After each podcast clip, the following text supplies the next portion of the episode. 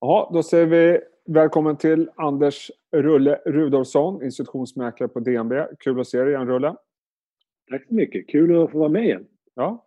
Du, eh, jag noterar att senast du och jag pratades vid på det här sättet, det var den 19 mars. Och det var ett par dagar innan botten. Rubriken var att marknaden diskonterar worst case.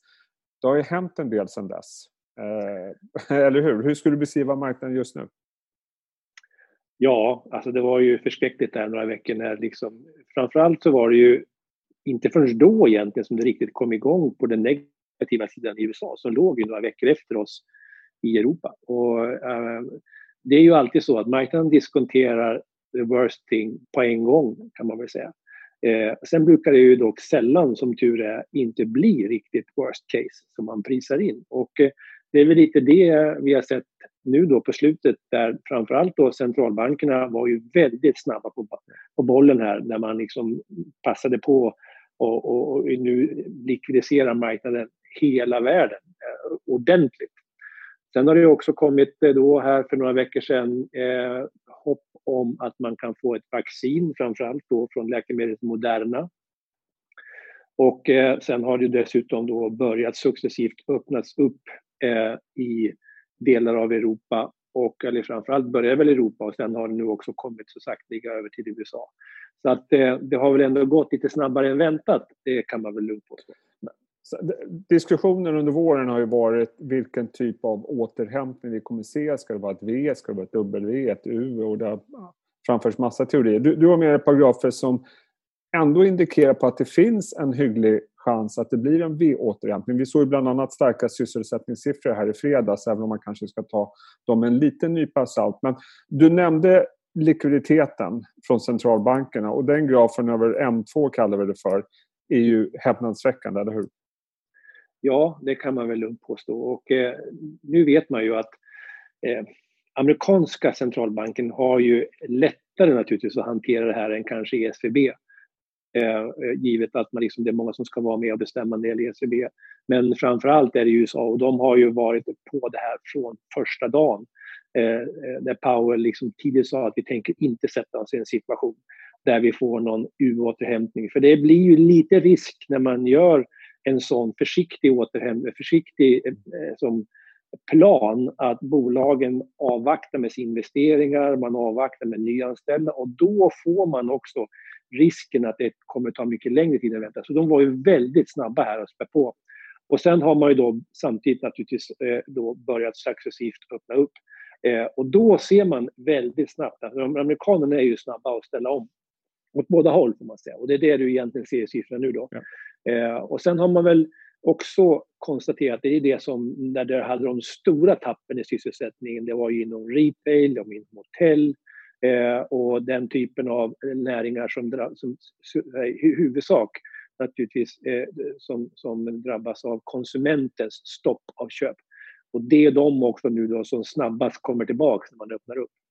Så att visst har förutsättningarna eh, för ett V eh, blivit lite starkare nu och backar man tillbaks i historiken många gånger när sådana stora händelser händer på makrosidan så är det väldigt sällan faktiskt som man ser ett, ett, ett V eller ett, ett U eh, utan det blir oftast ett V när det gäller makrosiffrorna. Så att förhoppningen är ju nu att april blev sämsta månaden och att maj blir lite bättre och sen är ju förhoppningen att juni kan bli ännu lite bättre. Samtidigt så har vi sentimentindikatorer som fortfarande är på låga nivåer. Talar det också för att det blir en snabbare återhämtning? Jag tror att det vi ser nu är ju, folk blev tagna naturligtvis mm. av att det gick ner så mycket. Sen eh, var det ju, de flesta trodde nog eh, på att det skulle bli ett W när det börsmarknaden. Det vill säga att man, äh, man ska nog testa gamla lows. Mm. Så blev ju inte fallet i alla fall än. Um, och sen så har det successivt då lyft börsen i princip varje dag sen någonstans här de sista fem sex veckorna. Och, så det är nog ganska mycket en pain trade just nu, det vill säga att det är ingen som egentligen riktigt har hängt med på sista veckornas uppställ. Och det syns ju som sagt i de här eh, sentimentindikatorerna att eh, man ligger fortfarande och är rätt avvaktande. Väldigt mycket likviditet på sidan om är det ju fortfarande. Och eh, den sista grafen i den här eh, trion för V-återhämtning det är relationen koppar och guld. mm. som skulle kunna tala för cykliskt. Berätta.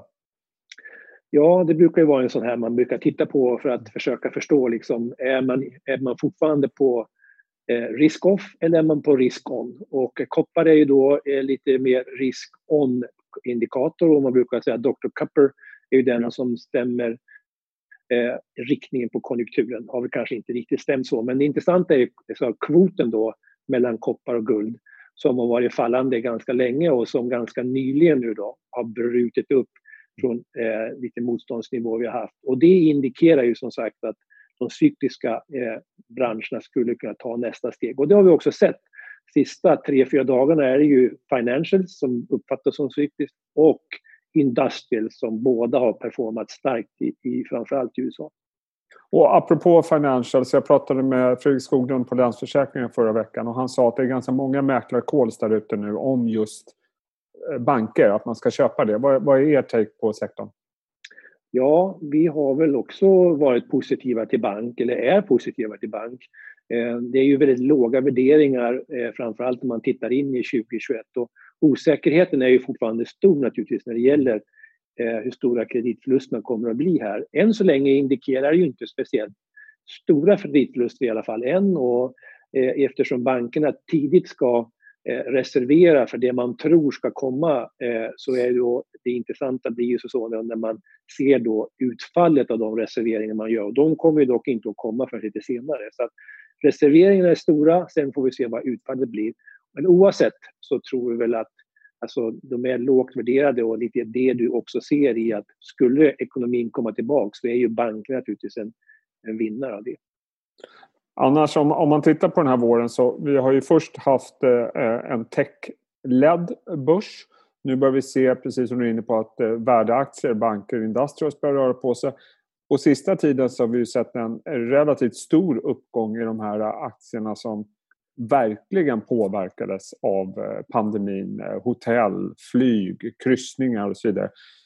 Är det där man kommer lägga pengarna i sommar tror du? Ja, det känns lite så att man letar lite lägers just nu. Mm. Eh, ju successivt kan man väl se det så att man ser nog säkert lite bättre siffror som kommer varje vecka. Eh, jag såg någonting som kom från någon av hotellen som pratade om att eh, man alltså sett lite bättre maj än april mm. och bokningsläget har startat bra för juni.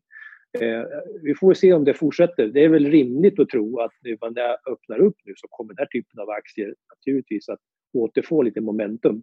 Från låga nivåer får man till och Många aktier är ner 70-80% från botten så det är klart att det blir ju, det blir stora rörelser när det är på väg upp givet mycket annat. Men det är ju den trenden man har sett, det vill säga att man tar lite vinst i stay at home-aktier, eh, så här som har, har kunnat eh, nyttjas eh, och tror som gynnas av att man stannar hemma. Och sen då mm på det man ser nu de sista dagarna som sagt är ju de här aktierna som drabbas väldigt hårt, det vill säga som också då kommer att gynnas av att man öppnar upp ekonomin.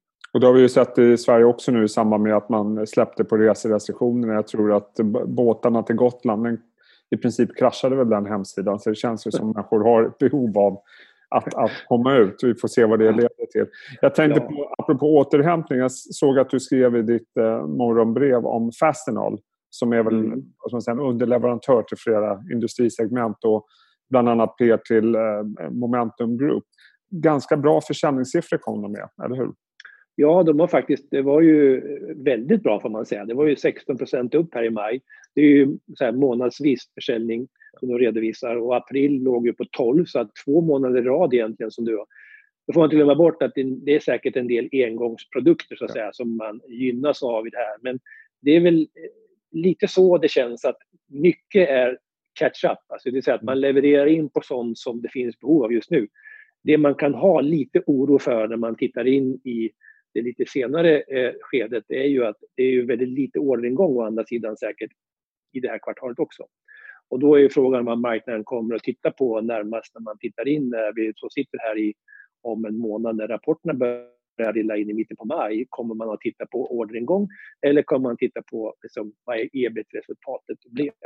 Eh, eller resultaten blir... Eh, där, där det handlar ju om var sentimentet befinner sig just då. Jag är kanske lite rädd för att då är väldigt mycket av de här sentimentindikatorerna i fatt och är lite mer på normal nivå igen och då blir man lite mer känslig liksom efter den här stora resan vi har haft upp men eh, Fastenal har ju gått eh, bra. Den har gjort en stark återhämtning från botten. Svenska Momentum Group som är ungefär likadant har inte gjort det. Eh, tror du sentimentet kommer till Momentum också då så småningom? Ja, alltså, det är intressant. Fastner är alltså all time high. Det skulle man mm. inte kunna tro faktiskt, givet det man har sett från eh, amerikansk industri och den beställningen. Nej, Momentum har väl eh, lite eh, mer att bevisa som det känns. De har ju alldeles nyligen då tagit in Swedol eh, och så att du har ju eh, ett, två bolag som ska merga ihop och vi får se när man riktigt ser eh, utfallet av det. Det brukar alltid ta några kvartal men Eh, efterfrågan är ju uppenbarligen på väg upp. Det är ju så. Och eh, Rulle, avslutningsvis måste vi ändå lyfta fram Husqvarna som kommer med eh, en omvänd vinstvarning får man säga idag, som har sett en starkare eh, återhämtning än vad man hade räknat med. Eh, aktien är upp någon procent just nu när vi spelar in det här. Den har gått i och för sig ganska mm. starkt här sedan botten. Mm. Hur ska man klassa in Husqvarna? Är det typiskt stanna hemma-aktier då som gynnas i det här kvartalet? Eller? Ja, det har ju varit det. Alltså, mm. Sen har man väl eh, naturligtvis också gjort om, man har ju strukturerat om verksamheten. Och det här eh, Q2 och Q3 är ju deras eh, egentligen, alltså Q1, Q2 är egentligen in, Q1 införsäljningsmånad, Q2 leverans, eh, Q3 lite mer avvaktande och Q4 ett litet kvartal. Så att det är ju naturligtvis så att man har ju hört om att det har varit slut på grejer för såna här självgående gräsklippare och det är Gardena här som har fått ett väldigt bra kvartal. Man har dessutom en bra mix med sig. Så att det är väldigt skojigt att de liksom får till det. För det var ett antal kvartal som de har jobbat med att strukturera verksamheten. Så att nu, nu har man ju faktiskt lite, eh, man säga, mitt i zonen befinner man sig eh, just nu. Och det är ju naturligtvis förhoppningsvis att man kan dra nytta av det. Och att juni också fortsätter upp. Men eh, estimaten ska ju definitivt upp på det här.